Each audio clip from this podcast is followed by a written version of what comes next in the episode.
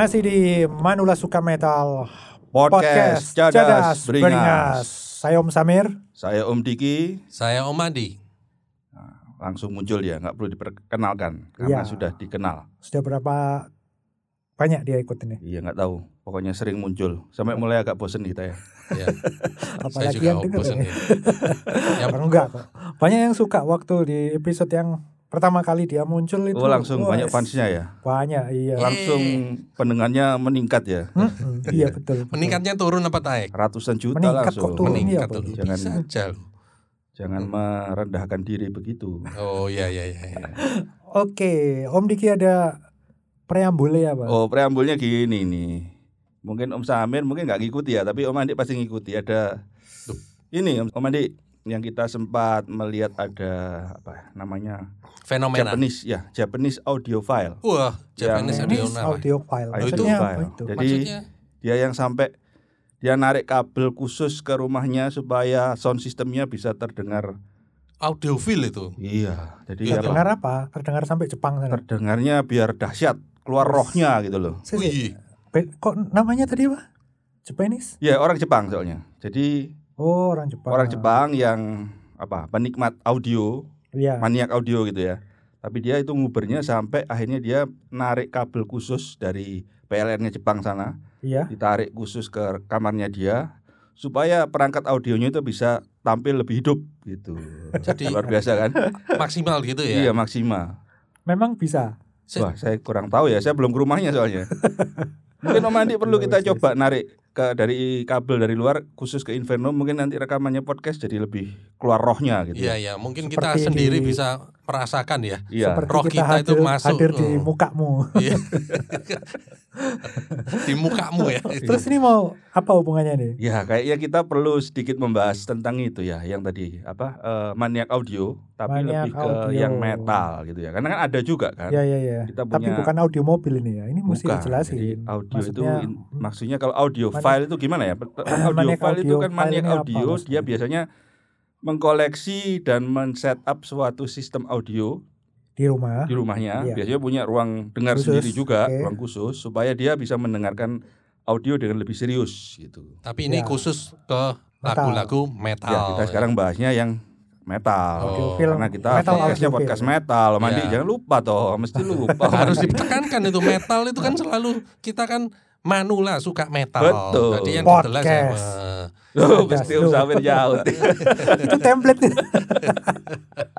Oke, kita kasih judul kuping emas Wih, untuk episode ini ya. sangar ini. Oke, Kayak Oke. mic-nya Om Andi ini.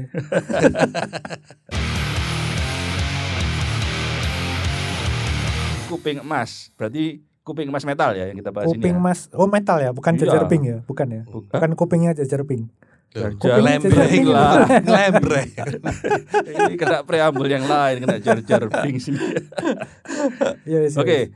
Sebetulnya kalau yang untuk metal ini ada satu eh, yang mendasar ya sebetulnya ya.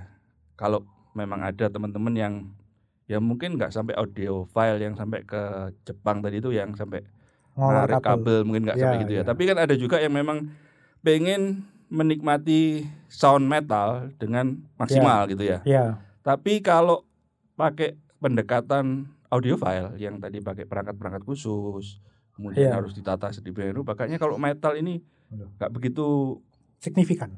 iya. Kenapa Om Diki? Ya karena musiknya full distorsi dan Iya sih. apa ya mau di kalau misalnya audio file se- setahu saya kebanyakan yang dinikmati ya musik-musik kalem-kalem ya.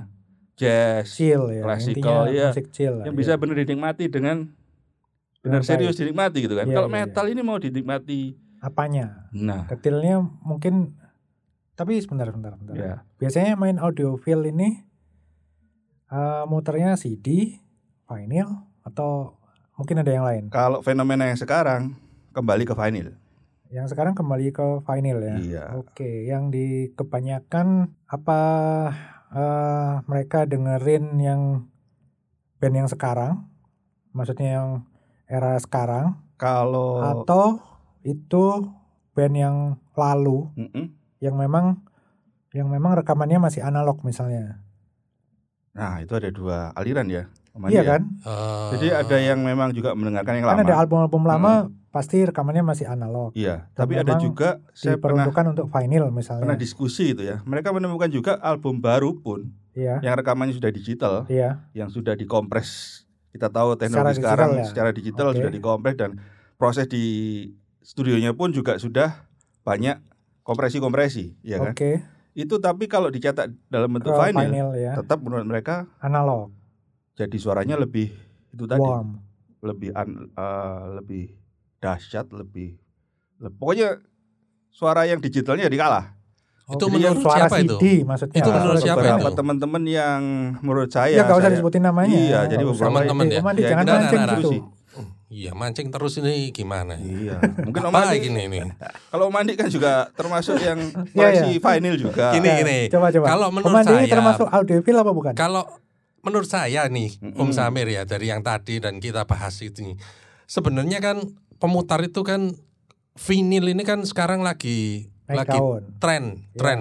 ya. Comeback kan ya. Ya, Naik padahal daun, dulu itu kan perkembangannya dari final pertama lalu kaset. keluar dari eh, keluar lagi kaset, Ya. setelah itu baru CD. CD. Ya. Lalu CD ini kan merajai eh, belantika pemasaran dari musik ini, musik skala Sampai Ya. musik. hampir tiga dekade Jadi ya. yang Eh, dominan kan. Lalu kembalilah final ini. Iya. Mm. Nah, vinyl ini eh, sebenarnya kalau menurut saya pribadi melihat dari sejarahnya itu pada saat CD merajai pada saat itu vinyl ini sudah hampir hilang malah hilang kalau saya Hmm. hilang saya saya lihat hanya beberapa aja yang masih punya artis-artis yang punya mindset untuk mengeluarkan vinyl Jadi itu intinya final sempat ditinggalkan kan. iya ditinggalkan tapi Ya. ada beberapa yang masih mengeluarkan Mm, mm, mm. meskipun itu enggak dalam jumlah yang besar. Ya. Ya, sempat sempat vakum lalu dia muncul lagi lah. Saat pertama kali mulai di trendingkan ini, Mm, mm. ini kan juga banyak lagi orang yang artis-artis yang kepingin eh, atau musisi-musisi yang ma- ah, penikmat itu mau mendengarkan final yang dulunya sempat nggak ada. Oke, jadi kayak kembali lagi ya, backtrack ya, gitu ya. maksudnya Mundur ya. ya bukan albumnya itu memang dulunya nggak dicetak. Hmm. Tapi lalu eh, vinyl ini kan muncul lagi. Heeh. Itu mau eh, ada yang nyetak Ya. album itu yang dulunya nggak ada vinilnya. Heeh, Oh, dijadikan. Nah, gitu. Kualitas itulah yang kadang-kadang itu belum disesuaikan dengan teknologi Ah, betul. final. Berarti kita Jadi harus ada laggingnya itu ya. kita Jadi perlu kayak- ini dulu, mundur sedikit Heeh. Om Andi ya. Mm-mm. Jadi memang pada saat CD keluar, meskipun teknologi digital ya, Mm-mm. itu kalau ngikuti sejarahnya memang teknologinya belum maksimal. Betul. Jadi memang pada saat itu vinyl itu memang suaranya lebih kalau pakai istilahnya teman-teman superior ya Om Andi ya. Iya ya. tahun pada berapa saat itu. Waktu CD awal CD pertama itu keluar. kan 80 berapa? 80-an itu sampai zamannya kalau 85 Om Samir masih ingat kayaknya sudah ada ya CD. itu CD yang pertama itu adalah Seven Son of the Seven Son. Terus-terusan ini saya ngomong. Berarti tahun 88. Eh, iya 88 Seven Sun itu ya. Ya. Apa 87? Nah, ini antara saya 87 dan 88 meskipun di Ya. sini waktu itu Mas eh, Belum. baru keluarnya itu mulai 89 kalau seingat saya 88 ada hanya beberapa toko CD yang tertentu aja Seingat seingat Gitu. saya, saya dulu pernah pesen eh, kaset. Waktu itu masih zaman kaset, saya pesen di teman yang eh bukan teman, di keluarga yang ada di Jerman. Ternyata di toko itu sudah nggak ada kaset, adanya CD. cuman CD ya. Ya, itu tahun 80 lah. Hampir semua album yang saya pesan waktu itu eranya 88. Album ba- baru di tahun 88. Oke. Nah, sedangkan di Indonesia waktu itu saya ingat belum ada orang yang jualan CD player ya sama apalagi CD-nya. Belum mungkin belum banyak, bukan belum ada sih. Saya nggak pernah nemu waktu itu. Saya pikir waduh CD ada beberapa cuma mahal gitu ya. tokonya itu memang nyelempit ya, Ya, istilahnya makanya intinya eh, CD belum ya belum apa ya belum booming belum, lah. belum memasyarakat lah ya betul intinya gitu waktu tahun 88 Hmm. Ya, kita kembali ke sejarah tadi ya. Karena ini harus ditelusuri sejarahnya. Karena ada beberapa miskonsepsi yang ya nggak nggak kita ngeluruskan ya. Ini ini versi dari kita gitu ya. ya, Ya, ini, ini maksudnya kita bincang-bincangnya antar opini kita aja ya. cuman Opini aja, pribadi. opini opini. Jadi pada saat eh, CD pertama kali muncul di pasaran, itu memang Ya. kualitas audionya memang kalah dari vinyl, pasti. Ya, Karena ya. pada saat itu Sama kaset teknologinya aja kalah kok. teknologinya masih terbatas. Heeh. Ya. Jadi untuk mendigitize dari master-master analog tadi itu Iya. ada penurunan kualitas. Iya. Sama waktu itu ada pembatasan eh, Durasi. bukan, bukan durasi tapi eh, apa namanya? kayak loudness itu ya. Jadi Ya, Oh. levelnya itu harus lebih rendah. frekuensi ya kalau saya ngomong ya. Bukan frekuensi Om Andi. Jadi lebih ke loudness-nya ya. Jadi memang Loudness-nya. Gain. pada saat Gain. itu memang ya gain lebih ke gain. Gain. Karena kalau gainnya terlalu tinggi waktu itu jadi pecah. Iya. Hmm. Nah, belum ada teknologi untuk mengatasi itu waktu itu. Jadi Ya. memang suaranya lebih pelan dari Intinya vinyl, suaranya lebih kecil. lebih kecil dan memang terkesannya nendang. memang nggak nggak senendang vinyl pada Betul. saat itu. Sama Meskipun kasetnya juga kalah kok. Nah, kalau kita mungkin dengerin pakai headphone, pakai detailnya mungkin memang dia superior dalam artian detail-detail yang yang di analog itu agak hilang. tenggelam itu Iya. keluar semua Iya. di CD. Tapi memang ada kelemahan di situ. Nah, itulah yang eh, membuat makanya kalau tadi kita bicara tentang kolektor yang eh, kembali mendengarkan lagu yang koleksi-koleksi lama gitu ya, yang album 80-an atau 70-an, Yang pasti format kalau CD. kalau mereka Format membandingkan dengan format CD, Iya. ya memang vinylnya lebih lebih bagus atas, karena pada ya. saat itu memang belum. Iya, iya, iya. Gitu Berarti kan. CD itu lebih bagus ketika masuk era 95 ke atas kayaknya. Iya, Seingat iya, saya. teknologinya lebih bagus. Album-album yang saya punya tahun 92, 95 itu masih masih kurang sih. Iya. Masih yang ini nggak ngomong remaster ya. Mm, mm, mm. Yang yang maksudnya first press yang tahun 90-an misalnya kayak Utopia Penis, Iya ya. yang Napalm Death itu itu kualitasnya kurang kurang kurang apa ya? ya Kerasa masih kurang ada yang nendang kurang gitu gitu, loh. kan Iya, ya. iya. Iya. Tapi eh, mungkin saya bisa nambahin Om Samir ya. Mungkin eh, kalau untuk kita harus lihat ya, ini bandnya bandnya besar atau enggak dulu. Karena pada Ya, setahu betul, saya betul. tahun 90-an itu itu teknologi compact disc itu sudah istilahnya sudah sudah mulai mulai mulai stabil lah untuk produksinya. Karena kan dia mereka mulai mulai produksi 87 88 itu ya. Iya. Empat tahun itu mereka sudah mengembangkan. Itu masih ingat nggak kalau dulu ada rekaman yang AAD, Iya. DDD, Iya, iya. Dari analog, dan saya rekamannya sempat kalau A itu berarti rekamannya analog, Iya. kemudian Oh, di- mm, mixingnya analog juga. Iya. Kalau D-nya itu baru pas betul, betul. pressingnya ya. Iya. Tahun 90-an kalau saya waktu itu main sudah main ya 89 90 itu kualitas sudah bagus sih sebenarnya ya. Mm-mm. Tapi saya kurang paham kalau waktu itu band-band yang kan kita tidak tahu band ini memang band besar di perusahaan besar Iya. atau, Atau, band ya. kecil hanya iya, hanya benar, di benar. itu. Nangkep saya. Ya. Eh, kayak misalnya album pertama Master Big. Saya punya juga itu CD first press-nya. Mm-mm. Sekitar belinya sih bukan tahun 89, cuman itu masih tahun 89 CD-nya. Mm-mm.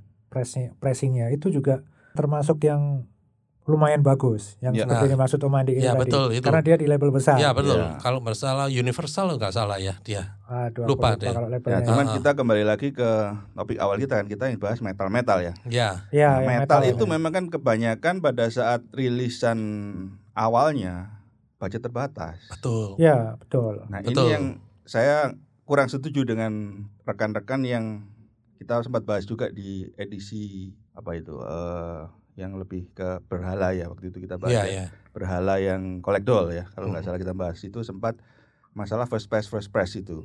Nah, kalau menurut saya kalau kita lihat dari sudut pandang yang metal audiophile ini tadi ya, metal kuping emas. Kalau first press, kebanyakan album-album metal yang original yang tahun 80, 80-an, 90-an, first press-nya malah lemah CD-nya.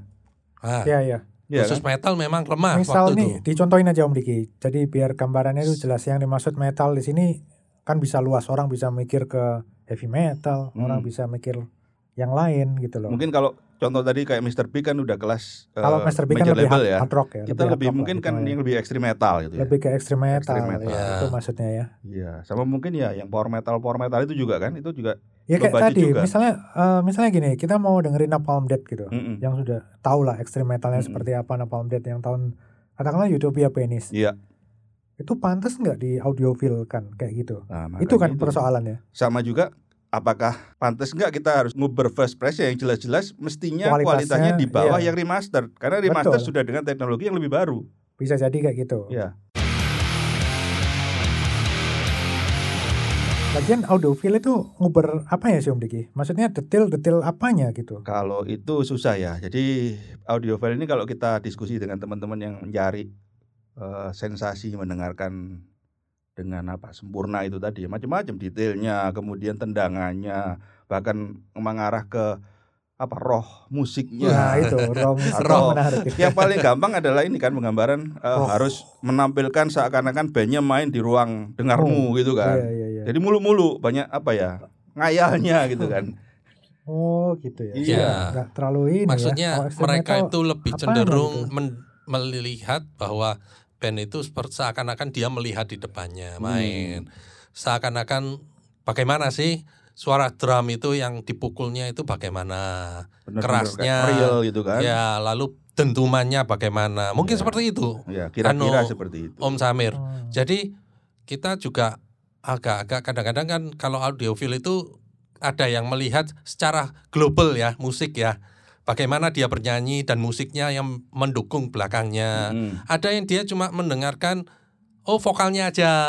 Ada yang hanya melihat gitarnya. gitarnya ini mainnya gimana. Apakah itu eh, apa? Terdengarnya itu sangat detail. Maksudnya jelas, clear. Ya, ya, Nah, ya, ya, ngerti, ngerti. itu jadi macam-macam kita nggak bisa ngomong ya itu nggak bisa diterapin ke musik metal. Betul. Nah. Terutama musik metal yang sudah hitungannya eh, apa ya dibilang ekstrim ya. Kayak power metal gimana? Termasuk tapi termasuk kalau tapi metal termasuk menurut saya loh ya termasuk bukan minor. bukan ya? power metal ataupun ini tapi kalau yang metal metal yang sungguh-sungguh yang berat ya gitu ya thrash or Heavy apa metal death ya. metal itu Hmm. malah jarang itu orang-orang yang audiophile itu Ya, nggak ada memang. tahu Iya. mereka. mereka cenderung saya tanya itu anda lebih cenderung ke yang disebut anda metal itu apa oh Apa? ternyata dengernya Guns N' Roses Oh, alah. atau yang malah-malah paling berat itu album Iron Metallica Oh, yang Metallica. ke Black, Black Album, Album ya, itu oke. aja tapi yang di style bukan yang keras loh ya Om Iya, Samir iya, ya iya, iya. tapi kayak yang slownya loh ya Oh, berarti gitu. kan eh, ada suatu salah apa ya ini- kalau menurut saya salah istilah ya begitu Salah loh istilahnya di mana Om Andi? ya kan kita nggak bisa menjudge mereka mendengarkan metal tapi Oh, gitu. eh, ya just rock lah Mm. ya it's Ya, ya, better lah kalau menurut saya pribadi. Ya. Kalau ada juga yang Cuman Lebih cenderung ke power metal. misalnya ya misalnya kita dengerin album yang low budget. Hmm. Apa ada orang yang dengerin album atau paham kalau album ini low budget kemudian dia tetap maksa denger dengan sistem itu. Betul. Nah, makanya ini. itu yang nggak banyak yang setelah saya bicara itu kebanyakan mereka tidak melihat dari sudut pandang mereka mixing dari sudut pandang apakah band ini besar dikontrak dengan perusahaan label besar Hmm. enggak malah mereka ada yang Apa yang mereka tertentu suka, mereka gitu. yang malah di label-label kecil tapi padahal di label kecil itu sebenarnya ya tahu sendiri label kecil Ya pasti sampai hasilnya seberapa Iya. Ya. Iya kan? Kita Malah ambil- kita nggak mau melihat bahwa major label yang besar kalau kita contohkan ya. Kalau misalnya mereka dengerin eh, Metallica, saya oke karena pada saat itu Metallica sudah di major Budgetnya label, besar. budgetnya sudah besar. Ini yang Black Album Nah, ya. yang Black Album Tapi ada nggak yang dengerin load reload gitu kalau Metallica? malah nggak ada. Padahal Yang itu yang paling bagus. Ah, rekamannya. secara audio bagus. Iya kan?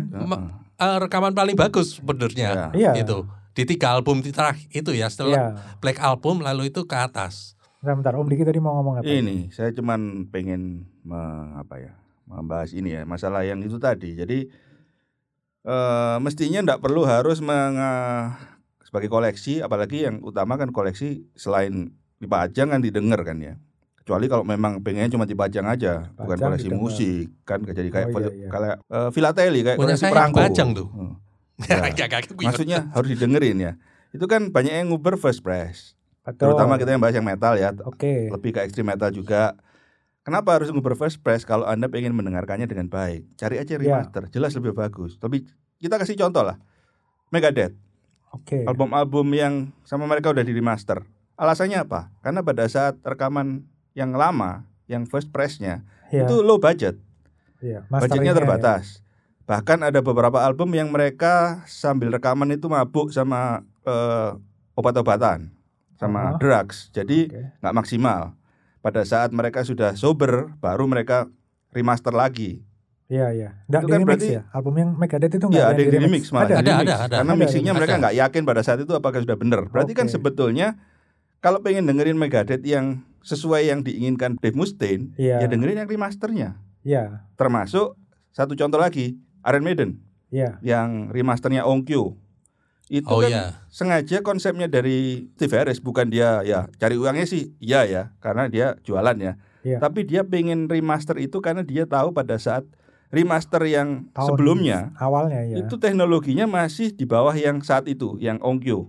Oke. Saat itu remaster ngambil dari eh, master tape-nya ke digital itu masih dengan teknologi yang agak terbatas. Oleh sound engineer atau apa mungkin disodori ada proposal baru. Ini sudah ada alat lebih baru, lebih Lebih mendekati sempurna. lebih mendekati sempurna, Iya. diambil sama dia. Susah-susah sama dia di mastering sendiri bahkan dia sampai jualan headphone segala ya katanya. Iya, iya. Trend mastering. Jadi sempet itu di remaster sekalian jualan handphone. betul. Dan Pernah- itu Pernah nggak anak-anak yang audiophile itu tadi kalau- Mm-mm. Membandingkan antara yang first press, misalnya albumnya Megadeth tadi, Iya, sama yang remaster atau yang sudah di remix belakangan itu? ya kayak biasanya dibandingin ya, tapi bandinginnya kebanyakan kalau audiophile ini kan lebih sudah punya mindset yang mana yang Kalau lebih yang bagus. awal lebih bagus. Iya. Oh, jadi nggak bisa fair ya? susah nggak nggak bisa fair dan ada metode sebenarnya yang untuk testingnya audiophile itu ya Apa? itu pakai metode namanya ABX test Apa jadi itu? membandingkan A sama B Iya, yang- iya, iya. yang benar yang lebih enak yang mana Iya. di, ini didengerin terus yang A didengerin B didengerin Album A sama dengerin itu B ya? didengerin ya cuman itu audiophile paling anti Loh, kok aneh? karena buat mereka jadi me- apa ya merusak yang mereka sudah mindset mereka awal Hmm. bahwa sudah ada oh ini jelas-jelas kalau yang remaster ini pasti nanti suaranya lebih lebih Jelek, Jelek. gitu. lebih ya. pecah lebih peka Ah, ah. daripada yang first press jelas yang lebih bagus padahal banyak kasus-kasus seperti tadi Megadeth, Iron Iya, Maiden jelas-jelas remasternya dirancang untuk lebih bagus dari aslinya. rilis Iya, pertamanya iya, gitu loh. iya. Itu yang jadi Wah ini agak pusing Iya. ya. Ya, Kenapa ini bisa gitu ya? Bukan gitu, inilah eh, itulah yang terjadi. kalau menurut saya scene musik musik itu ya begini, orang-orang itu banyak pendapatnya ya. Mm-mm. Memang kita hidup di dunia Tapi asik kok. Kadang-kadang diskusi gitu kan asik. Jadi kita jadi sharing gitu. Tapi ya kadang-kadang kalau yang bener-bener keras kepala gitu ya malah Jengkel no. nyengkel no ya.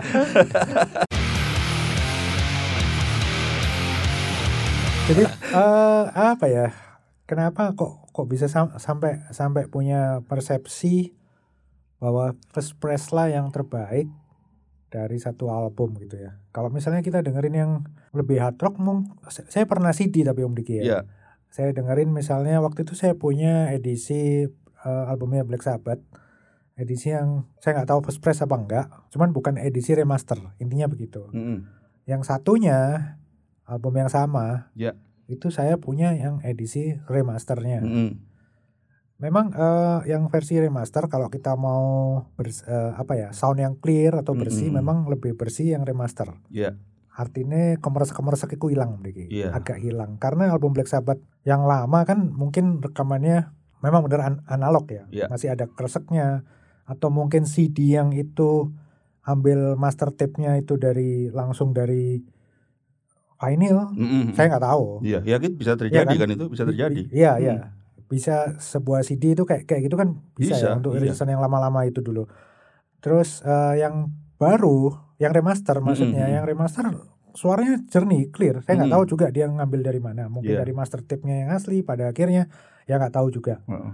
Tapi ya bedanya di situ memang. Iya, iya. Kelihatannya di situ banget. Terus eh, ada perubahan kalau yang kasusnya Black Sabbath itu kalau yang awal misalnya suaranya ada di kiri, Mm-mm. yang di remaster Switch dipindah ya? ke kanan. Iya. Itu ada juga kayak gitu. Dan itu pun biasanya tergantung dari bandnya juga kan. Bisa jadi awalnya mereka desainnya seperti itu, tapi ada kesalahan pada saat transfer atau gimana. Dibetulkan pada saat mastering. Bisa Mungkin, gitu. Bisa jadi. Jadi Iya. pas eh, memang ada kayaknya mungkin remaster itu selain untuk membaguskan karena yang dulu nggak tercapai, Betul. Sama mungkin budgetnya dulu nggak nututi Memang untuk ya, itu ya. nggak tercapai segala Mm-mm. macam teknologinya, budgetnya, Mm-mm. eh, apalah. Terus mereka meremaster itu juga untuk mendapatkan selain menyempurnakan yang dulu nggak tercapai, Mm-mm. itu juga ada pengalaman baru waktu kita mendengarkan album yang sama. Ya. Kayak mungkin detail yang dulu hilang Mm-mm. Itu jadi lebih ditonjolin, Betul. lebih atau eh, bukan di remix loh ini ya, Iya, Di iya. remas- cuma di remaster aja bisa kelihatan misalnya kayak gitu. Kalau Iya, kita betul. dengerin dengan audio yang bagus bisa kelihatan. Mm. Padahal dulu enggak. Jadi kan sebenarnya kan intinya nggak semua remaster itu jelek, Buruk. ya kan? Iya. Dan nggak semua first press itu superior. Iya kan? Iya betul. Kalau Makanya kan itu. harus Kalau ya kita audiophile berarti kan harusnya bisa memilah-milah sendiri. kan? memilah itu gitu loh. Yang Iya. yang kita dengerin itu eh, maksudnya detail yang benar gitu kan. Iya. Iya kan? Ada satu yang mungkin yang membuat eh, lebih metal yang ke kuping emas ini ngejudge bahwa yang remaster itu pasti lebih jelek karena ada memang fasenya teknologi rekaman yang eh, loudness wars. Ya, Jadi itu, pada itu saat mengganggu. itu memang mengganggu. Jadi peka kan memang dibuat besar. Memang, itu ya. memang pada saat itu gain dibesarkan supaya hasil produksinya itu kalau didengarkan pakai headphone kecil-kecil itu ya itu lebih bisa enak. didengarkan. Nah, itu Ya. yang dijudge hampir semua remaster pasti arahnya ke situ. Padahal nggak ya. seperti itu. Nggak gitu seperti loh. itu. Ya, ada yang bagus banget malah Hmm, remasternya nggak nggak pecah gitu. Remasternya Rush itu juga luar biasa. Dan itu Nah. ada apa dokumentasi saat mereka meremaster ya memang ngeluarin master tape asli Nah, dan makanya didigitas lagi sama mereka. Ya, Yang zaman dulu digitasnya nggak bagus. ya. Sekarang lebih bagus. Udah berapa tahun lalu itu ya? Mungkin ada 10 tahun yang lalu itu kalau Iya. remasternya Rush yang sudah bagus. Jadi menurut saya ya Om Diki ya sama Om Samir ya. Mm-mm. eh menurut saya ini saya punya persepsi sendiri sebenarnya. Kalau ngomong kuping emas ataupun audiofil yang mau nikmati musik metal ya. Iya. Padahal saya lihat itu beberapa itu ada eh, musik-musik metal Mm-mm. yang memang dikhususkan untuk audiofil. Oh iya, jadi memang soundnya di Nah, lebih tertata gitu ya. mungkin kalau Om Diki sama Om Samir dulu per- eh, pernah lah Mm-mm. Kalau kita sering searching-searching CD ya, kalau Ya. kita ngomong CD dulu ya, nanti Mhm. soalnya ini ada kelanjutnya sama vinyl juga. Ya. Eh, kalau CD itu yang ada yang namanya khusus beberapa album itu dikeluarkan dalam bentuk 24K, Oh iya, 24 bit ya, 24 bit ya. bit atau K. Ya, K ya. ada juga Heeh. yang memang khusus diperuntukkan untuk recording yang Saya sangat sempat bagus. mengikuti yang pakai label SHMCD segala macam yang Ah. khusus ya. Ya, itu ada. ada.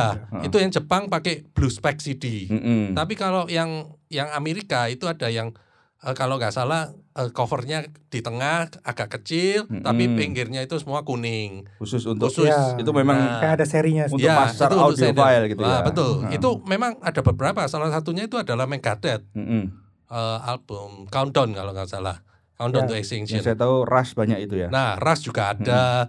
Lalu ya banyak lah. Di Def Leppard juga ada ya. itu ada, Queen's Strike juga ada. Ya, ya. Jadi tapi ini untuk nah balik lagi seperti yang kita bicarakan tadi, album-album inilah yang memang masterpiece-nya. Jadi Oke. direkam di eh, perusahaan yang kalau kita Pokoknya lihat di, intinya diproduksi gede. dengan bagus. eh, eh. Ya. Nah, vinyl pun juga ada sebenarnya. Mm-mm. Itu ada yang pernah saya temu itu ketemukan itu eh, direct mastering tape. Jadi da- dia langsung gitu. Ya, ya. Nah, memang khusus ya itu khusus. Ya? Nah, Mm-mm. kalau mau nguber harusnya kan nguber yang gitu-gitu Betul, ya. betul, betul. Gitu. Berarti ini eh, saya bisa simpulin dari infonya Om Andi. Kalau mau main audio audiofil Mm-mm. itu nggak semua album, nggak semua rilisan bisa diperlakukan seperti itu. Iya, Iya kan? harusnya Berarti begitu. ada yang khusus itu Ada yang khusus. Ini untuk ngomong Ah, metal makanya ya. heeh. Harus ada ada ada jalurnya sendiri lah. Mm. tuh. Ada album yang khusus kan itu berarti Om Andi. Gitu kan? Itu Kalau saya nangkepnya begitu. eh, Megadeth itu yang Countdown to Extinction itu itu vinilnya ada itu. Jadi gini ada albumnya yang memang untuk pasaran biasa, ada yang Iya. khusus di remaster Ada. untuk Untuk eh, masteringnya untuk audio file Ada, ada. tapi Makanya memang ada kan? Iya, memang ada. nggak banyak Oke, ya. oke. Jadi gitu kalau mungkin kalau final itu kan yang 180 gram. Mm-mm. Itu kan groove-nya dia besar, sudah di remaster bagus dan memang itu pastinya konsumsinya untuk audiofil. Oke oke. Tapi saya balik lagi sedikit, nerusin sedikit ya, Mm-mm. Om Diki. Yang tadi kita ke final, Panjang Final- apa-apa Om. Duh, tak- jangan. tak buatin bersambungnya. Jadi kalau final itu kan dulu kan pertama kali muncul kan nggak disesuaikan.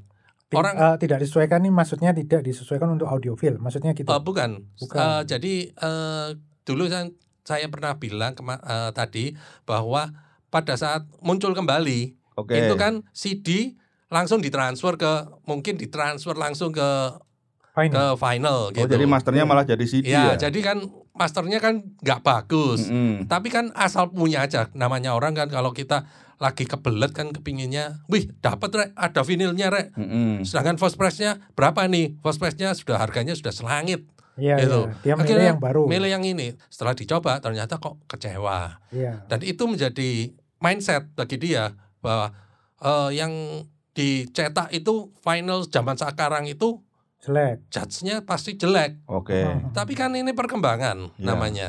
Ya, Kan penyesuaian. iya. Iya. Dan dulu kan mesinnya final kan juga baru dikeluarkan, eh apa? Hmm. Baru dioperasikan lagi. Iya. Kalau sekarang kan sudah banyak, otomatis kalau dilihat dari datanya pembelian uh, Final. penjualan final lebih, Iya, lebih tinggi, besar, iya. otomatis mereka orang Amerika juga orang di mana pun industri ini pasti akan menyesuaikan. Oke. Maksudnya Om Adi ini berarti yang record sekarang sudah Mhm. mikir bahwa nanti formatnya ada vinyl, Pasti ada vinyl, ada ada CD, CD, bahkan ada mungkin kaset. kaset. ya. Mah- bahkan yang sekarang yang dulunya vinilnya itu langka, itu sekarang dicetak ulang Mm-mm. dengan kualitas yang nggak jauh, nggak bel- nggak jelek seperti yang di pertengahan itu. Oke. Kalau Jadi gitu sudah, jadi mindsetnya kita harus dirubah gitu loh. Iya, iya. Jangan ya sama selalu kayak CD tadi kan, yang dibilang Om Diki tadi, CD yang zaman dulu itu memang jelek, Mm-mm. yang zaman awal keluar. Karena Ya. waktu itu memang belum diciptakan, memang rekamannya belum disiapkan untuk CD untuk waktu CD itu. ya kan, Iya. untuk Ya. vinyl atau untuk kaset Mm-mm. zaman Ah, itu.